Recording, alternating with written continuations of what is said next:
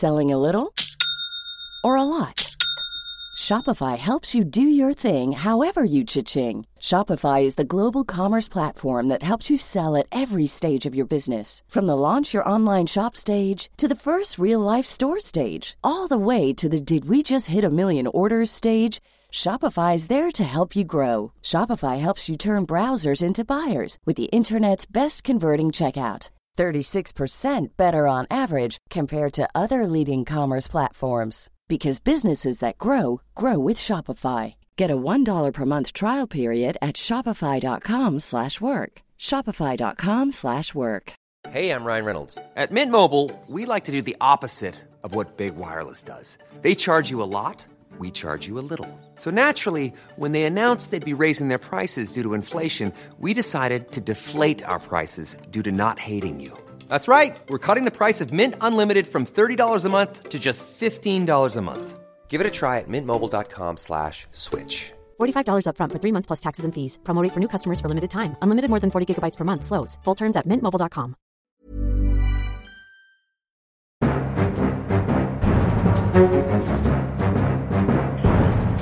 Ok. Da setter vi i gang med en ny episode Aftenpodden USA. Kommentator Kristina Pletten er på plass i Oslo. God dag, god dag. Hei, Øystein. Ja, jeg sitter her i kleskottet mitt og svetter litt, for det er varmt. Eh, Men jeg er glad for å spille inn en ny pod med deg. Jeg er også veldig glad for å spille inn en ny pod. Jeg er Øystein Langberg, USA-korrespondent, tilbake fra en tur i Wyoming. Og dette skal vi komme tilbake til. Wyoming blir en, eh, en rød tråd i dag, for der har det skjedd mye spennende siden sist. Så i dag skal vi snakke om altså, Liz Cheneys fall, og litt mer om hva hele denne primærvalgsesongen, som nå er i ferd med å bli avsluttet, sier om Trumps innflytelse i sitt eget parti, og konsekvensen av alt dette som har skjedd for USA. Og så må vi også ta og snakke litt om demokratene og den ekstremt kyniske strategien de har brukt i noen av, av disse duellene for å hjelpe frem autoritære republikanske kandidater. Veldig vi- spesielt og har fått en del oppmerksomhet. vi kan snakke litt om det som kalles for astroturfing. Kan bare ja. liksom droppe det her, så kan dere Ja, lure litt på hva det er. Det er. en teaser. Ja, det er en liten teaser. Ja. Mm. veldig bra. Men du, først har vi en siden sist-spalte, og den er også lang som et eh, vondt år. Så vi får bare sette i gang. Altså, eh, Den store klima- og helsepakken som vi snakket om i, i forrige uke, den er nå Mm. vedtatt og signert av president Joe Biden. Og så skal demokratene ut på det du har etterlyst mye av, da, en stor sånn salgsturné i hele landet. Hele regjeringen skal ut og, og fortelle hva de har oppnådd.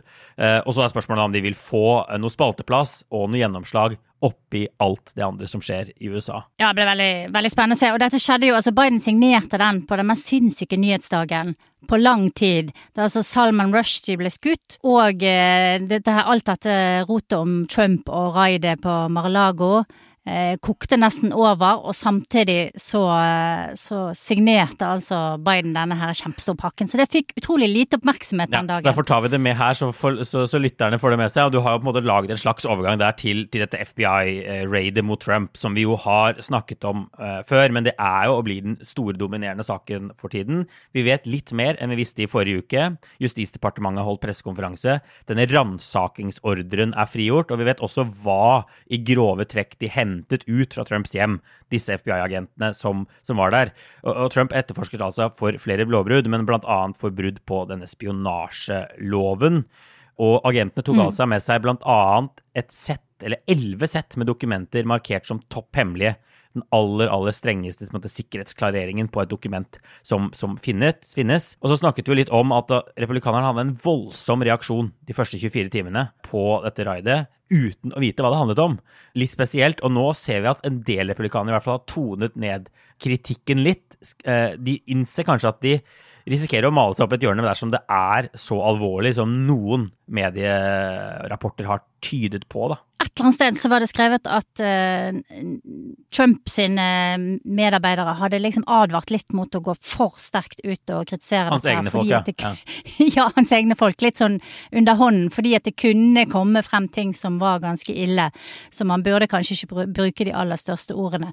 Så har jo Trump og hans folk også eh, kommet med mange forskjellige typer eh, unnskyldninger og bortforklaringer i løpet av de siste dagene, da. Mm. Så det har jo vært egne artikler som liksom har på en måte gått gjennom alle unnskyldningene og hvordan de har for, eh, forandret seg etter hvert, ikke sant. Han har sagt at jo, alt som jeg tok med meg var automatisk eh, avklassifisert. Og dessuten så var det liksom sånn attorney-client privilege, som betyr at kommunikasjon mellom, mellom din advokat og en klient er, er uansett beskyttet da, mot innsyn. Og mange andre typer uh, unnskyldninger har han, eh, har han kommet uh, en, en av de morsomste artiklene jeg har sett de siste dagene, faktisk en, en litt sånn satiriker i Washington Post som skrev sånn eh, Jeg tror sånn en haug med sånne forskjellige forklaringer på hvordan du, du kan liksom plutselig ha sånn nuclear codes hjemme, da, som var sånn 'Å, de satt fast under skoen', og 'katten min' jeg Det var veldig vittig. Jeg kan ta og legge ut den eh, i, i gruppen på Facebook, for det Ja. Det har Ja. vært mye, mye, mye både alvorlig og, og tullete diskusjon rundt dette her. Men refleksen til republikanerne, også ikke, ikke bare de aller mest ytterliggående, men mer sånn vanlige republikanere i Kongressen, var jo liksom dette er et statlig overgrep eh, av FBI mot Trump. Men, men vi ser at de har tonet det ned der litt nå. Nå, be, nå er det hovedsakelig sånn vi må ha mer informasjon. Det er på en måte kritikken nå. Ja. Eh, eh, justisministeren må komme med mer informasjon, vi må vite hva som foregår her. Eh, og det er jo kanskje et tegn på at de ja, er, de er i hvert fall mer forsiktige i kritikken nå. Eh, enn de var i Det, det som har kommet frem, er jo nummer én at eh, FBI og Justisdepartementet har gått til veldig mange skritt for å få disse her eh, dokumentene ut før de raidet Mar-a-Lago. Eh, de har eh, sendt eh, en sånn subpina, subpoena, eh, altså et, en rettsordre for å ja, prøve ja, å få de ut. De har også stevninger, og de har intervjuet mange folk i, som var involvert i eh, exiten fra Det hvite hus, blant annet Trumps toppadvokater. Eh, så de har gått mange, mange runder på dette her for å faktisk få tak i det. Det er ikke sånn at de bare plutselig bestemte seg for å gjøre det, og det har nok også vært med på å kanskje dempe kritikken litt. Og så er det jo det andre elementet som er interessant. Eh, noen republikanere har skreket opp sånn 'defund the FBI', eh, blant annet eh, Lauren Bobert, som er en av disse her litt sånn eksentriske republikanerne i Representantens hus. Eh, men det har også åpnet opp for et slags angrep fra demokratene, som sier ja, men hallo, dere er jo partiet som støtter law enforcement, politi. Skal dere plutselig nå eh, begynne å ta penger fra FBI, som etterforsker blant annet terror og, mange andre viktige ting, ikke sant? Så dette her er jo eh, Og jeg har sagt det før, defund the police var det verste eh, slagordet noensinne fra venstresiden, og at noen på høyresiden nå tar det opp og liksom adopterer det som sitt eget, er utrolig teit. Så dette her kan nok eh, bli en, eh, en ganske vanskelig sak, tror jeg, for republikanerne fremover i høst. det, vi får bare følge med videre på, på det her. Eh, og så vil jeg si at det har kommet en, en litt sånn gladnyhet for Joe Biden i den uka eh, som var også. Det er tegn, Vi har snakket mye om prisveksten, denne voldsomme inflasjonen. Tegn til at den kanskje begynner å være litt nedadgående. Eh, altså prisene, årsprisveksten fra juli i fjor til juli i år var på 8,5% Så det er så mye prisene har økt med et år. Og det er litt lavere enn det samme tallet var i juni. Da var det 9,1% så fortsatt høyt. Og det Biden og de jublet over, var at prisene ikke vokste i det hele tatt fra juni i år til juli i år. Så det betyr at prisnivået var det samme.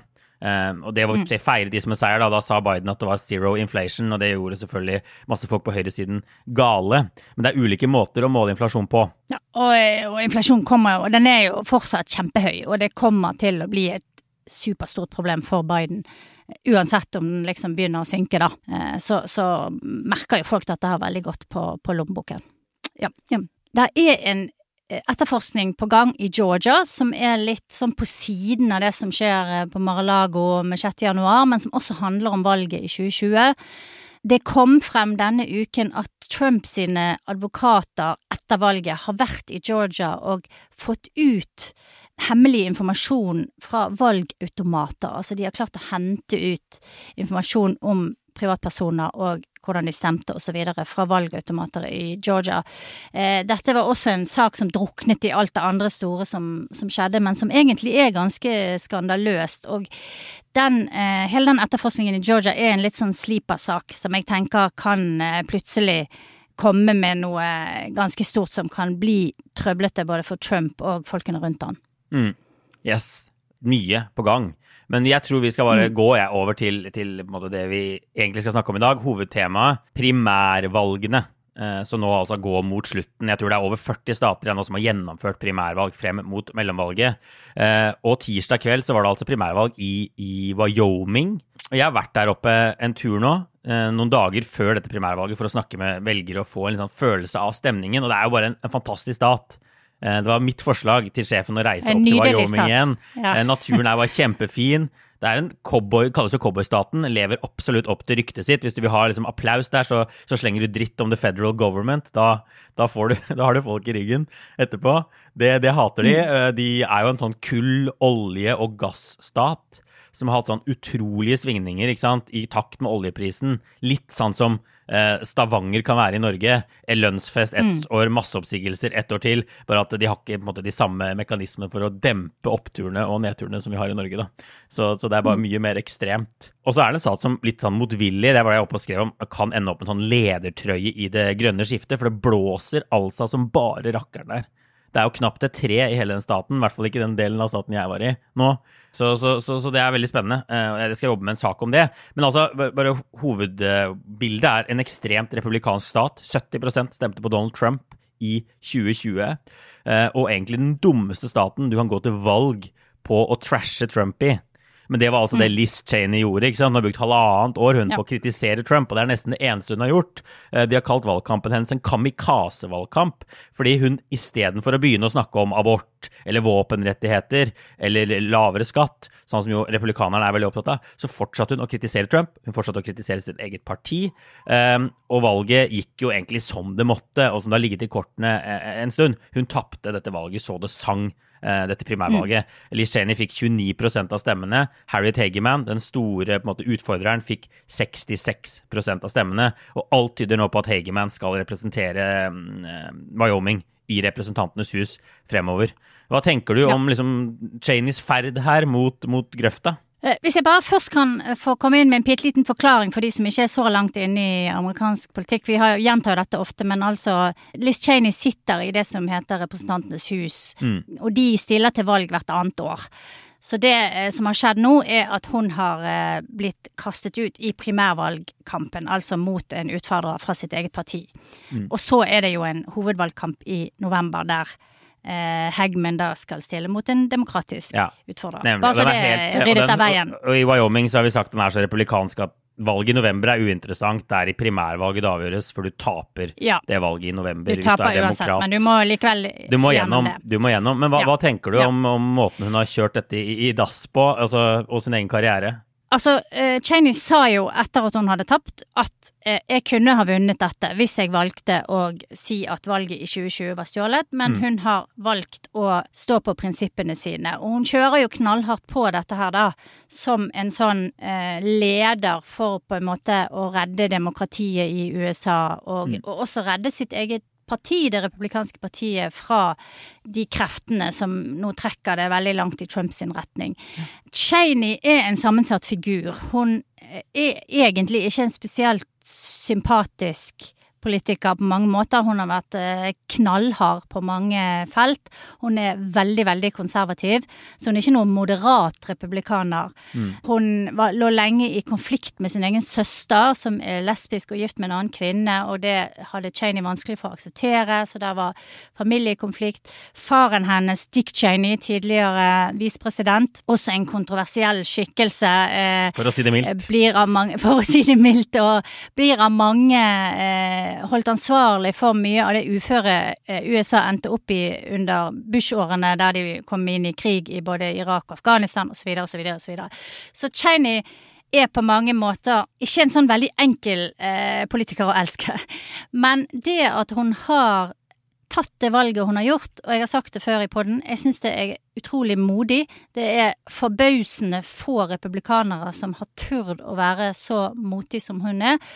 Og det viktigste budskapet hun kommer med, er jo det at ingen taburett, altså ingen valgt posisjon, er verdt å gå på akkord med sine egne prinsipper og, og trashe det amerikanske demokratiet. Mm. Det syns jeg er et utrolig viktig budskap, og det har hun sagt at det kommer hun til å fortsette å fremme. Uh, så hun eh, har jo på en måte skissert en ny rolle for seg selv som en nasjonal skikkelse. Og som en, eh, en leder for liksom de konservative anti-Trump-kreftene, da. Ja. Hittil så har jo de som har liksom frontet dette her, vært folk som ikke har hatt valgte posisjoner, ikke sant. Det har vært Steve Schmidt, som en tidligere McCains eh, valgrådgiver. Eh, Rick Wilson, som også er en sånn eh, rådgiver. Og litt sånne folk som eh, har vært eh, mer i kulissene, da. Så det at en liksom en valgt politiker av en rang som hun har, faktisk gjør dette nå, tror jeg betyr veldig mye. Så eh, sånn sett så syns jeg det er, er veldig tøft. Ja. Og det, Du nevnte jo altså Cheney-familien. hun har stemt, altså Liz Cheney stemte med Trump 93% av gangene det var avstemninger i Kongressen. og sånn, så hun, hun var jo egentlig Om hun ikke var sånn Trump, hun var absolutt ikke en Trump-fanatiker, men hun var i hvert fall liksom tydelig en del av den republikanske agendaen og sånn. Og mange demokrater i Wyoming Det er jo demokrater i den delstaten, selv om den er veldig republikansk. Det var veldig sånn påfallende å møte de, fordi alle hadde den samme historien. De har vokst opp med å nærmest hate Cheney-familien, se på faren som en krigshisser, altså til visepresident Dick, Dick Cheney, som du sa. Men nå, eh, altså 6. januar, har endret alt. Og det var jo Cheney-kampanjens store håp var jo at det var nok demokrater, for det er lov i Wyoming. Selv om de er demokrater, så kan de bytte parti på valgdagen og stemme som republikaner i primærvalget. Og det var det vi sa, det er der dette avgjøres, i, i det republikanske primærvalget. Og det var også masse demokrater som gjorde det. Jeg intervjuet flere. eh, En sånn Prius-kjørende klima... kli- Som absolutt kjøpte klimaendringer og liksom var for, for abortrettigheter, for våpenrestriksjoner og sånn. Som stemte på, på Liz Cheney, da. Og forsøkte å redde karrieren karrieren hennes og sa 6. januar jeg har endret alt. Um, og det var det mange, altså. Mye sånn anekdotiske beviser på. Vi ser også på valgresultatene at det var en del demokrater som hoppet over. Uh, Liz Cheney hadde gjort det enda mye dårligere hvis det ikke hadde vært for disse demokratene som gikk inn og stemte på henne. Men det var på en måte ikke nok til å berge karrieren hennes i Wyoming, for det er altså så mye republikanere, og der var oppslutningen hennes altså eh, så lav.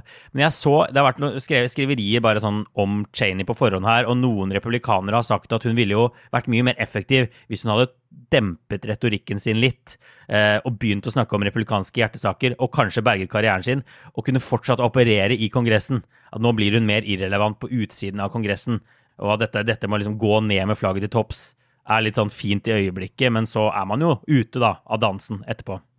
Men eh, det er jo egentlig ikke sant, fordi at eh, hele premisset for hennes motstander og for hele Trump-kampanjen er jo dette her at eh, valget i 2020 var stjålet. Det er jo det veldig mange av disse her kandidatene som Trump har velsignet, har gått til valgkamp på. Ja. Så at Cheney da ikke skulle ta et standpunkt tydelig standpunkt mot det, når det er det hun liksom har holdt på med de siste par årene eh, nærmest hver dag, ville jo vært å, å være nærmest uærlig, da.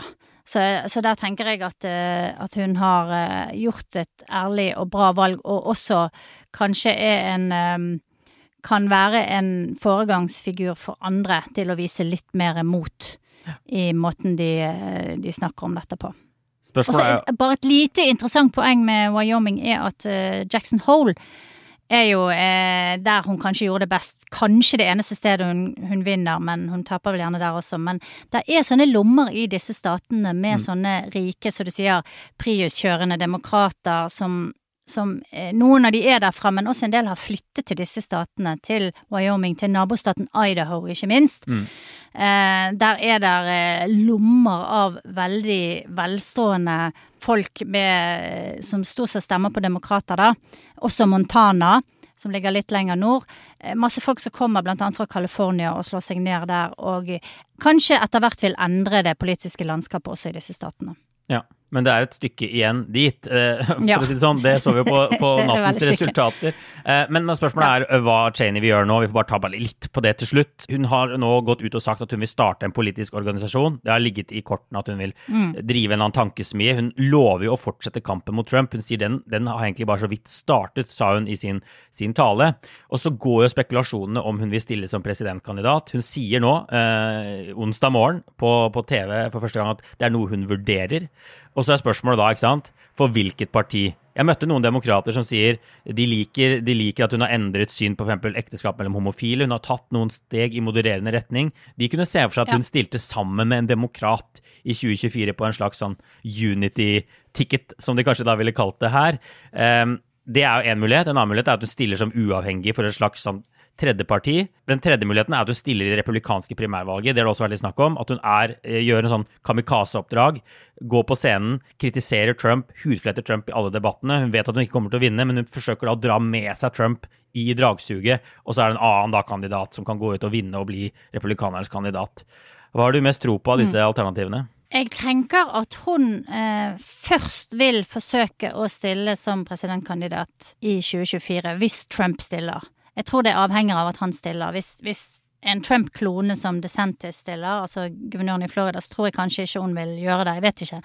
Men jeg tenker sånn, med tanke på hennes historie og hennes eh, familiære tilknytning til det republikanske partiet, så tror jeg også det hun er i ferd med å gjøre nå, er også en slags sånn redningsaksjon for partiet, da. Mm. Å forsøke Altså det er en kamp om partiets sjel. Eh, så jeg tror det skal veldig mye til for at eh, hun på en måte gir opp det og overlater det republikanske partiet til Trump og sier ok, da får jeg gå ut og, og, starte um, mitt eget parti. På den annen side, som du sa, hun, hun, er i gang med å starte en organisasjon. Der er krefter nå som begynner å organisere i sentrum av eh, amerikansk politikk. Andrew Yang og Christine Todd Whitman, republikaner og en demokrat, har startet et nytt parti som heter Forward. Har ikke gått så veldig bra foreløpig. Eh, men det er også denne gruppen med senatorer, da. I, eh, I, Kongressen som jobber sammen, og som ser ut til å jobbe ganske godt sammen, og som har fått gjennom Det er egentlig de som har klart å få gjennom mye av det som nå er gjennomført um, de siste månedene. ikke sant? Våpenkontroll, inflasjonspakken, chipspakken, infrastrukturpakken store endringer, masse penger, eh, gjennom å samarbeide på tvers av parti. Mm. Problemet for Cheney er at hun hører egentlig ikke til der. Hun hører ikke til i den gjengen av moderate politikere, ikke sant. Eh, hun er egentlig eh, en mørkeblå republikaner, eller mørkerød blir det jo i USA da. Og så her har du hele den delen som handler om utenrikspolitikk. Du nevnte krigshisser. Det er veldig liten appetitt i USA for mer kriger, mer bruk av penger til, eh, til eh, internasjonale konflikter. Og så er det veldig vanskelig å kjøre den gamle republikanske politikken eh, med en globalisert økonomi og liksom denne råkapitalismen som mange tidligere republikanere har stått for, da. Som heller ikke er spesielt populær. Så jeg, jeg, jeg, tenker at ja, hun kan fungere som en sånn der spoiler for Donald Trump, og, og kanskje forsøke å redde partiet og å vinne mye på det, men det politiske budskapet hennes er jo ikke spesielt appetittvekkende for, for noen, tror jeg. Nesten. Nei, Sikkert for noen, men ikke så veldig mange, da. Nei, det tror ikke jeg heller. Det skal bli interessant å se hva han gjør videre. Men det er ikke en åpenbar sånn, hva de kaller det, lane. Altså, det er ikke en åpenbar liksom, svær velgermasse hun kan ta. Hun har nok egentlig en ganske sånn smal altså, Folk på ytre høyre som ikke, ikke liker Trump, er jo ikke en enorm uh, gruppe å ta av. og Mange demokrater stemmer på henne nå, men de vil jo mye heller ha demokrater enn henne. på en måte. Da må hun i så fall endre sine posisjoner på masse sentrale spørsmål uh, i politikken. Ja. Hvis hun skal liksom stille med demokratene. Men det blir uh, gøy å, å, følge med videre. Det var også valg i Alaska i går. Vi får bare si det. Mm. Det er kompliserte saker, valg i Alaska. Eh, både fordi de har primærvalg, men de har også et ekte valg til et sete i Kongressen, fordi det var et kongressmedlem som døde tidligere i år. Så er det mye som foregår samtidig. Vi får bare si Den ene overskriften det er at Liza Markowski, eh, som er den eneste republikaneren i Senatet som stemte for å dømme Trump i riksrettssaken, som var på valg nå, eh, hun gjorde det ganske bra. Det er et mm. sånt system hvor folk fra alle partier stiller opp i det samme primærvalget i Alaska. Og så er det de fire beste som går videre til finalerunden i november. Og Markowski ser ut til å ha vunnet av de fire. Hun går i hvert fall videre til finalerunden. Og hun skal ha ganske gode muligheter til å, å stikke av med seieren i, uh, i november, egentlig. Ja, og Murkowski er jo da senator i motsetning til, og sitter i senatet i motsetning til Cheney, som sitter i Representantenes hus. Ja, ikke sant? Så, så vi kan jo bare spørre, altså, hva har Murkowski gjort annerledes enn en Cheney? Hun kommer fra en litt mer moderat stat. Alaska er jo en republikansk stat, men ikke så, så voldsomt republikansk som, som Wyoming. Eh, og så har de et litt sånn spesielt valgsystem i Alaska hvor de belønner moderate kandidater. For du, når du rangerer kandidatene, og hvis den du har stemt på, får veldig få stemmer, så ser de på hvem du satte på andreplass, og så går de stemmene da til, til en av de andre. Og Så det vil jo typisk være sånn at demokrater stemmer på demokrater først, og så stemmer de da på moderate republikanere siden. Så, så Markovskij kan på en måte løftes inn til gjenvalg av en god del demokrater som ikke får førstevalget mm. sitt, men som har henne på, på, på andre valg. Men, men, hun har heller ikke gjort liksom, Trump til den store saken. Hun stemte for å dømme han i riksrettssaken, kvitte seg med han.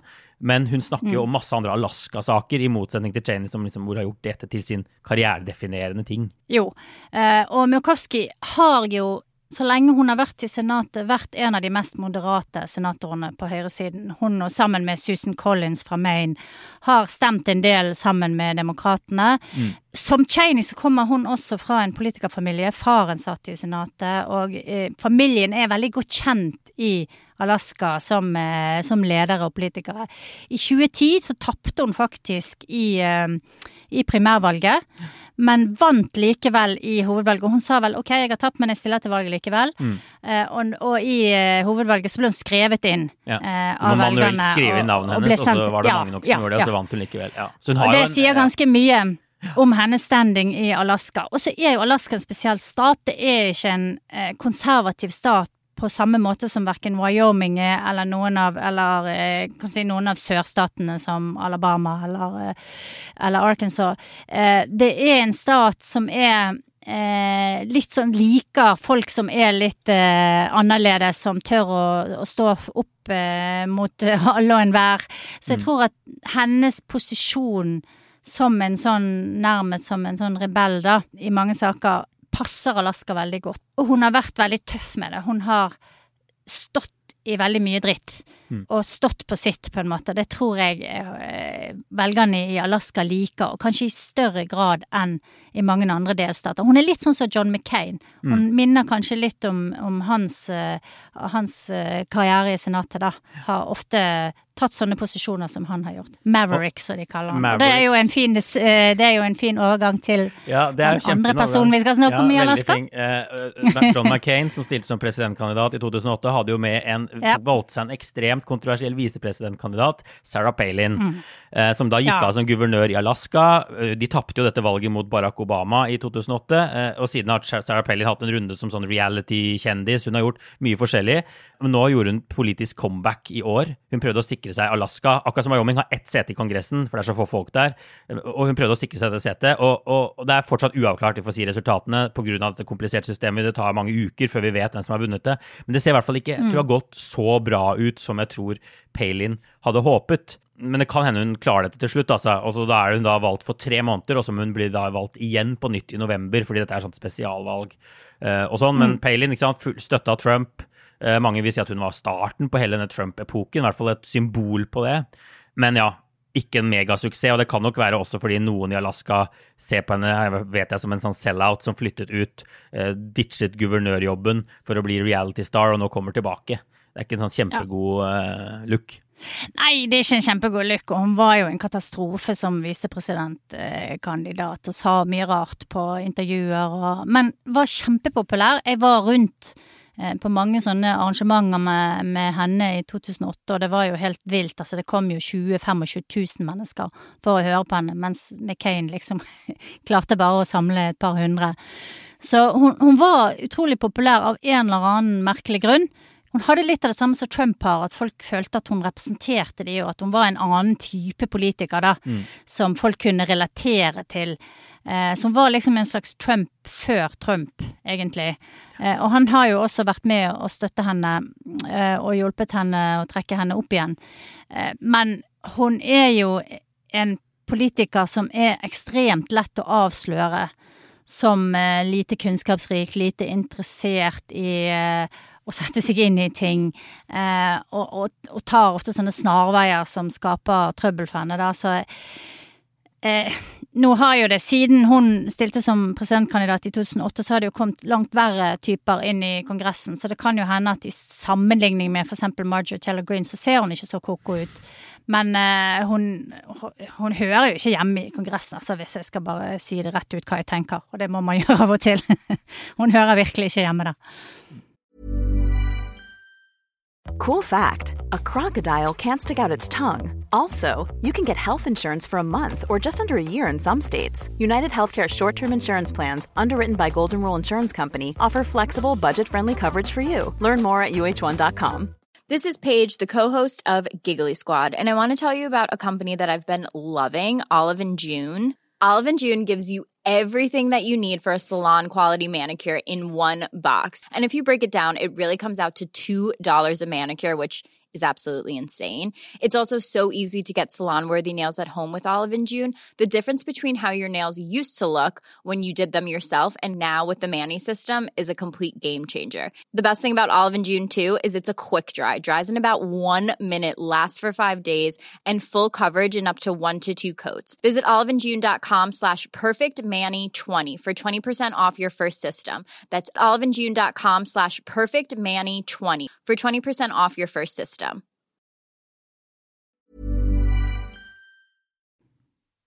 Men bra. Vi må, vi må snakke litt, bare litt mer sånn generelt om hvordan disse primærvalgene har gått. Og vi kan jo starte Mm. med eh, Trumps hevnaksjon.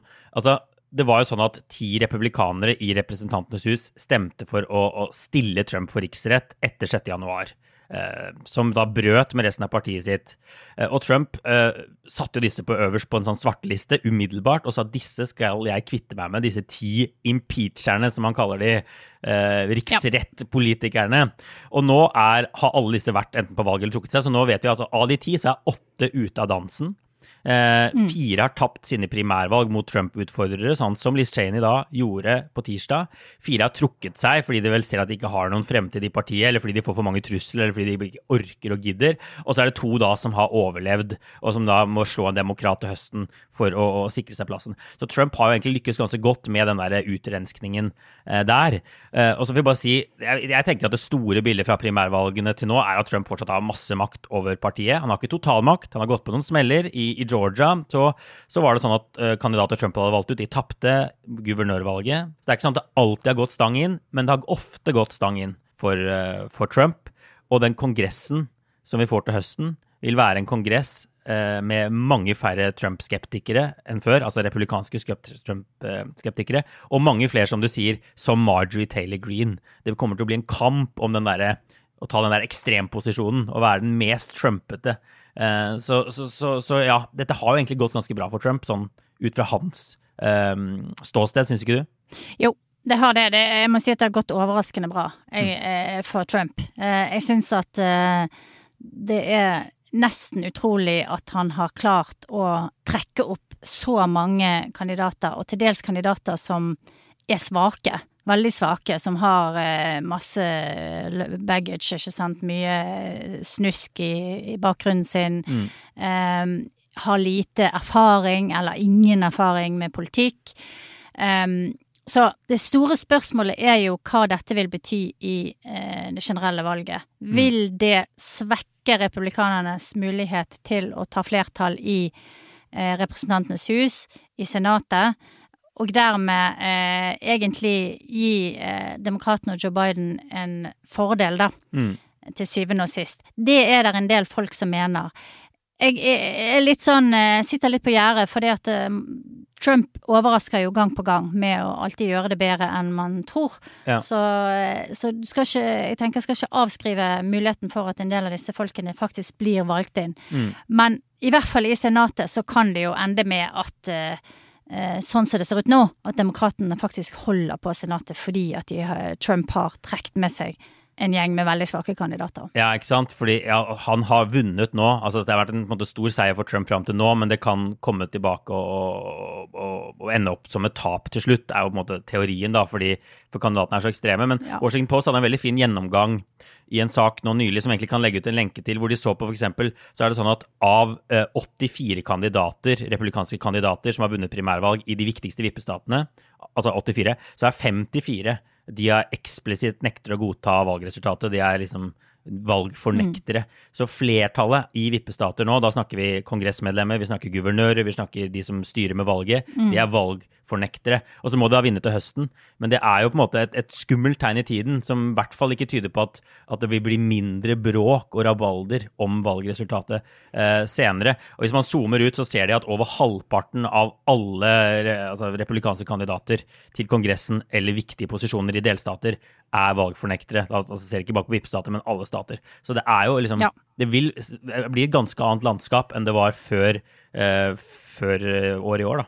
Og, og noen av de folkene blir jo valgt inn i posisjoner der de vil ha eh, direkte makt over hvordan valg skal gjennomføres og telles opp og verifiseres i fremtiden. Og det er jo kanskje noe av det skumleste av alt, da. Ja, absolutt. Men det som har fått litt oppmerksomhet, eh, er jo at demokratene har gjort et litt sånn kynisk valg i en del av disse duellene her.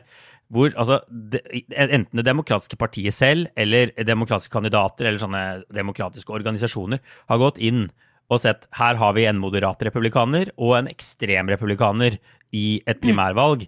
Eh, og så tenker de det er bedre for oss å møte den ekstreme republikaneren i mellomvalget, for da har vi større sjanse for å vinne. Og så støtter de direkte og indirekte den ekstreme kandidaten Mm. hjelper den ekstreme kandidaten frem. Og det mest sånn um, kjente eksempelet er i en sånn uh, kongresskrets i Michigan. Eh, hvor en av disse ti da, som stemte for å dømme Trump, uh, for å stille Trump for riksrett, Peter Meyer, han, han stilte opp i et primærvalg. Han ble utfordret av en sånn trumpete fyr som heter John Gibbs. Og så gikk demokratene inn og løftet John Gibbs. De betalte reklame for John Gibbs. Det vil si, de gjør det på en litt sånn smart måte. De sier John Gibbs er for ekstrem for Michigan. Han støttes fullt og helt av Trump, ikke sant? De vet at dette er det velgerne vil ha. Uh, Så sånn sett, så, så de gjør det jo De, de ja, bruker en litt sånn klok lurete strategi, da. Men det som jo skjedde, er at John Gibbs vinner. Han slår Peter Meyer med knapp margin i Michigan. Og nå risikerer de da altså at John Gibbs blir valgt inn til høsten, hvis, han, hvis, han, hvis demokratene ikke klarer å slå han, ikke sant. Så istedenfor å få en moderat republikaner, så får de en ekstrem republikaner. Eh, som de da risikerer å tape mot. Så de spiller jo høyt. Ja, De spiller veldig høyt, og de har spilt ganske dirty, må jeg også si, i, i denne valgkampen. Og eh, nå kan jeg jo komme tilbake til astrotøfing, som jeg nevnte Ja. innledningsvis. Eh, det handler altså om at man setter opp en slags falsk sånn grasrotsorganisasjon. For eksempel eh, eh, folk i Wisconsin for eller mot Liz Cheney, som ser ut som det er noe som er organisert eh, av folk som er opptatt av for eller mot noe, men som egentlig er regissert og betalt av sånne eh, organisasjoner som samler inn mye penger og sitter og liksom eh, trekker i trådene i kulissene, da. Det eh, har demokratene brukt en god del nå for å gjøre nettopp det du beskriver, for å løfte opp disse her ekstreme koko-kandidatene som de tror de skal ha en større sjanse for å slå. Det er veldig kynisk. Det er jo ikke noe nytt at amerikansk politikk er dirty. Eh, og kanskje føler eh, de, demokratene og demokratiske støttespillere at de er nødt å holde på sånn fordi at det er så viktig å kunne bevare amerikansk demokrati osv. osv. Men jeg tenker at det er bare det å liksom lefle med det andre partiets valg på den måten er Da, da er du også liksom med på å rive ned demokratiet på din måte. Det er ikke pent, og jeg, jeg syns at det er noe de burde holdt seg for god til. Ja. Altså, eh, eh, Demokratene forsvarer seg jo med at de på en måte ljuger ikke. De, de lager en reklame. De sier bare at uh, Gibbs, da, for eksempel, denne ekstreme Trump-kandidaten, han er bare for ekstrem. Og så er det velgerne, det er til syvende og sist republikanske velgere, som svelger dette rått og går og stemmer på, på denne Gibbs da, istedenfor Meyer, som er en Trump-kritiker. Eh, så, så de forsvarer seg med det, og så forsvarer de seg med at, at det, det republikanske partiet alltid har spilt dirty, og at de er nødt til å bruke de samme taktikkene hvis de skal klare å, å, beholde, å beholde makten. Men det er ingen tvil om at dette brukes mot demokratene, ikke sant? Fordi demokratene sier "D- dette er, dette er et valg som ikke bare handler om politikk, dette er et valg som handler om USAs fremtid. Hele nasjonen står i fare, og så går de da inn og risikerer jo da å ende opp med en, mye, en enda mer ekstrem kongress pga. eh, de tingene demokratene har drevet med. Eh, fordi de Ja, ville liksom det- sikre seg litt bedre odds til høsten. Ja, det er utrolig tullete, altså. Og det jo Det skjer jo så mye sånn snuskete i amerikanske valgkamper. For eksempel så hender det ofte at folk får eh, informasjon, sånne robocalls, eller informasjon i posten om at valget er utsatt, eller at de skal stille opp der og der på den og den dato, og så får de feil informasjon, ikke sant, så ikke det er der du skal velge. Så det er masse sånn der eh, dritt som, eh, som kastes i alle retninger fra eh, aktører som er interessert i et eller annet outcome. Men det demokratene har gjort her, er jo å veldig direkte gå inn og forsøke å påvirke et annet partis interne valg, da, om hvem som skal være deres kandidater. Og det syns jeg bare ikke noe om. Jeg, eh, og jeg syns ikke det er Det er ikke noe som man kan egentlig forsvare heller. Nei, og du nevnte jo bare sånn, for å ta det til slutt, du nevnte jo litt at Trump har egentlig gjort det veldig bra. Han har vist at han har mye makt i partiet. Han kan plukke kandidater, mm. eh, og da vinner disse kandidatene sine primærvalg og blir republikanernes eh, frontfigurer. Og så er spørsmålet hva som skjer til høsten. Om dette kan ende opp med å bli en taperstrategi til, til slutt.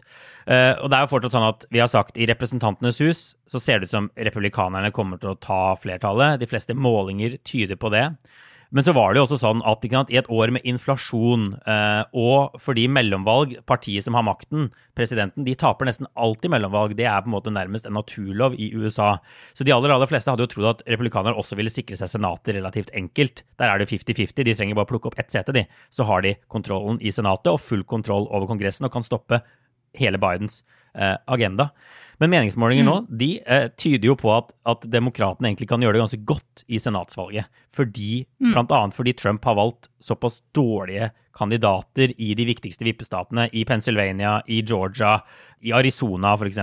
Så det, det, det, skal bli ekstremt uh, interessant å se. Det er til og med sånn at altså, Ohio, som har blitt en kjempetrumpete stat, så er det sånn på måling, meningsmåling så leder demokratenes senatskandidat der. Jeg tror de leder i, uh, i, til og med i Florida på en del målinger nå. Så mm. hvis målingene nå hadde blitt valgresultatet, så går jo demokratene kraftig frem i Senatet. Uh, noe som vil være en, bare en ekstrem, ekstrem smell for, eh, for, republikanerne. Og så tror ikke jeg det kommer til å skje. Jeg tipper at det kommer til å bli liksom tightere på målingene sånn fremover mot valget. Men, men, republikanerne er ikke der de vil være i senatsvalgene eh, så kort tid før mellomvalget. Overhodet ikke. Nei. Og så er det én veldig stor fare for republikanerne med dette her, og det er at med en gang Trump forsvinner ut av politikken og det, han kan jo holde på noen år til, men han nærmer seg jo 80. Mm. Han kan ikke holde på forever. Og når, og når, han forsvinner ut, så er det ikke sikkert at disse her eh, litt sånn halvcrazy kandidatene som da sitter igjen, vil ha liksom mulighet til å vinne noe som helst. Nei. Sånn at de, de setter veldig, satser veldig mye nå på eh, en linje som, som, handler veldig mye om Trump som person. Ja. Ja. Og når han ikke er der lenger til å dra den trallen, liksom, klovne The clown car, så, eh, så, så, vil partiet slite noe inn i Mari med å skaffe seg oppslutning, og da blir på en måte veldig mye av dette her avkledd, tror jeg. Så kanskje, og jeg har sagt det før, bare, bare si én ting til. Eh, kanskje Cheney ser litt lenger frem. Kanskje hun ser frem mot eksempel 2028 og mm. tenker at ok, da er sannsynligvis Trump ute av bildet, og da trenger partiet noen som kan stå frem som en ny samlende leder og kan liksom trekke, trekke et veldig sprikende parti sammen igjen. Ja. Muligens er det sånn hun tenker. Ja. Vi, jeg tror vi bare tar, setter strek der for, for uh, vanlig snakk, og så får vi ta en liten runde med obligatorisk refleksjon mot slutten. Hva har du tenkt på siden sist, Kristina? I, I dag har jeg egentlig tenkt at jeg skal rett og slett anbefale nettstedet Politico og deres uh, nyhetsbrev, Politico Playbook. Mm. Uh, det er kanskje det aller beste sånn insider-nyhetsbrevet om Washington. Det er gratis. Politico er også gratis for de av lytterne våre som ikke uh, har lyst til å tegne abonnement på Wall Street Journal og sånne ting, som jo er, kan være dyrt. Mm. Og så syns jeg at de er veldig gode nå. De har hatt litt sånn ups and downs. Det har vært eh, de, Det var jo noen utbrytere som forlot Politico og startet Axios, blant annet, og i årene etter så slet de litt fordi at de, eh, de tok med seg en del folk. Mm. Um, men jeg syns nå at de, de har en tilnærming til journalistikk som er veldig sånn saklig. De har en del gode analyser, de finner eh, gode vinklinger på ting. Og ofte så skriver de litt om om ting som du ikke finner nødvendigvis andre steder, som handler om eh, hva som skjer i Washington, og, og, og, ting i politikken som kanskje ikke får så mye oppmerksomhet. Så jeg tenker at for de som er interessert nå fremover eh, i å følge med eh, på amerikansk politikk frem mot mellomvalget, så er Politico et veldig godt alternativ, da. Ja. Og så kan man tegne dette her eh, dette her eh, tegne seg opp i abonnement på dette nyhetsbrevet og følge med litt sånn på sånn inside Ja. information. De er veldig kjappe, gode oversikter, de nyhetsbrevene. De er eh, ja, veldig gode. Veldig gode. Du, min OR handler om en podkast som heter The Good Fight, som lages av Yasha Munch, som vel opprinnelig er fra, fra Tyskland, men som nå bor i USA. Han er altså professor på et universitet. Jeg har hørt på det mye. Eh, rett etter at Trump kom til makten. Han har mye interessante gjester på. Og Munch er på en måte liberal i den klassiske europeiske definisjonen. Dypt kritisk til Trump, autoritære trekk på høyresiden, men også deler av kulturen på, på ytre venstre. Og så har han ganske mye forskjellige, for, forskjellige stemmer på, så ofte er de episodene hans eh, ganske gode. Han hadde en fersk episode nå med en sånn ung afrikansk-amerikansk mann som heter Coleman Hughes, som tar et oppgjør da, med det er venstresidens håndtering av liksom, race, kvotering på universiteter, debatten om økonomisk kompensasjon for, for slaveri. Han sier han stemte på Biden, men han er i hvert fall ikke, hvert fall ikke sånn mainstream på venstresiden. Absolutt liksom konservative, konservative trekk. Men f.eks. dette med inntak til universitetet basert på, på etnisitet, det kommer til å bli en kjempesak i Høyesterett til høsten. Og han argumenterer for at liksom, det dette, og dette å bruke rase da, eller hudfarge som kategori for opptak til universitetet er altfor grovt. Og at veldig mange av de som tas inn, som er svarte, de kommer ikke fra slaveri. Hvis målet er liksom å rette opp en historisk feil. Det er folk som er døtre og sønner av leger og ingeniører som flyttet fra land i Afrika for to år siden. Altså, det er liksom helt, helt andre folk. Uh, og så viser de også at sånne type, eller han mener også at sånne type kvoteringssystemer hvor, hvor man bruker hudfarge, eh, reproduserer bare sånn rasebasert sinne. Man skaper nye kategorier. Hvit arbeiderklasse blir bare sinte fordi de føler seg forbigått. Um, men så var det en interessant, bare, interessant debatt. Jeg tror mange vil være uenig med han. Han er veldig opptatt av equality of opportunity. At man skal ha like muligheter, men at man ikke må se på equality of outcome, altså hvordan det faktisk går, og prøve å rette opp liksom, skjevheter basert, basert på det. Man må heller liksom sørge for at alle møtes da med et sånt altså Man snakker om fargeblindhet, som også er en sånn ting som ikke er så veldig populært på venstresiden lenger, å snakke om et fargeblindt samfunn og sånn. For da mener man at man, de mener jo da, de på venstresiden, at man ikke kan se ser rasisme hvis man påstår at man behandler alle likt fordi man ikke kan se hvilken hudfarge de har. Men bare, ja, interessant pod. Interessant type. Og en av de interessante eh, tingene med sånn kvotering på universiteter, er jo at eh, det er noen asiater som faktisk har saksøkt disse store universitetene fordi de mener at de holder asiater ute. For egentlig så ville disse skolene hatt en overvekt av folk med asiatisk bakgrunn, fordi Ja. det er de som gjør det best på disse testene og så videre, og er helt, sånn helt klart vinnerne i det akademiske USA. Ja. Men de holdes liksom den, eh, den andelen av asiatisk etter det holdes nede. Ja. Eh, også for å slippe inn sånne hvite sånne legacy-kandidater, altså folk fra, Mm. fra familier som har innflytelse. Så det blir en stor eh, runde på dette til mm. høsten. Så hvis man vil ha liksom det konservative perspektivet litt, da, så kan man høre på denne The Good Fight-episoden her. Men jeg tror vi må uh, avslutte poden. Vi må bare si uh, helt til slutt, Kristina, at uh, altså vårt moderskip Aftenpodden, vanlig Aftenpodden, det var jo sånn at de denne våren eh, begynte å legge en god del av sine episoder bak mur. De har hver fjerde episode åpen i Spotify og iTunes nå. Og så resten de, de ligger, eh, er bare tilgjengelig for abonnenter. Enten hvis du abonnerer på Podme, eller abonnerer bare på Aftenposten. Og vi skal også nå inn bak en sånn betalingsmur annenhver uke. Så fra 31. august så vil du ikke lenger finne alle Aftenpodden-USA-episodene i Spotify eller iTunes. Du vil eh, finne de der kun annenhver uke. Eh, men det betyr jo også at, eh, at de som f.eks. abonnerer på Aftenposten, vil kunne høre oss hver eneste uke i Aftenposten-appen eller på aftenposten.no. Eller man kan abonnere på Podme da, og høre alt, og alt der. Og vi skulle gjerne lagt ut podden vår gratis og fortsatt med det. Eh, Men, men eh, problemet her i hermetegn er jo at det koster eh, å lønne oss. Det koster penger å sende meg rundt i USA. Det koster penger å lage Koster penger å ha deg der i, på Manhattan. Det koster penger å ha, å ha meg på ja. Manhattan, og det koster også å ha penger å ha deg skrivende. Så vi må, vi må finne måter å, å få betalt for, for stoffet og innholdet vi lager på. Og det er det vi nå, nå gjør, og det er derfor vi legger det, legger det bak mur. Men vi håper jo bare at så mange som mulig kan bli med videre hver eneste uke. Det blir en superspennende høst. Eh, vi har mye gøy på gang, og vi liksom gleder oss veldig til å fortsette å dekke USA, Ja. så, sånn som vi gjør. Så ja, så, så det kan jo være for de som ikke er abonn abonnent på Aftenposten, en anledning til å tegne abonnement. Ja, det må vi jo kunne anbefale. Og eh, vi, vi kan legge ut en oppskrift på Facebook-siden vår. Ja. Hvis ikke du er medlem der, så send oss en eh, request Ja. om å bli medlem, så skal vi hente deg inn i varmen. Og der kan vi legge ut en oppskrift over hvordan du kan høre oss. Ja, Eh, men som sagt, for alle som abonnerer på Aftenposten, så vil det fortsatt være tilgjengelig. Tilgjengelig. Ja. Men du, flott. Mm. Vi tror vi må sette strek der, Kristina. Vi er tilbake vi om en uke, og inntil det så får alle lytterne ha det bra. Ha det, ha det.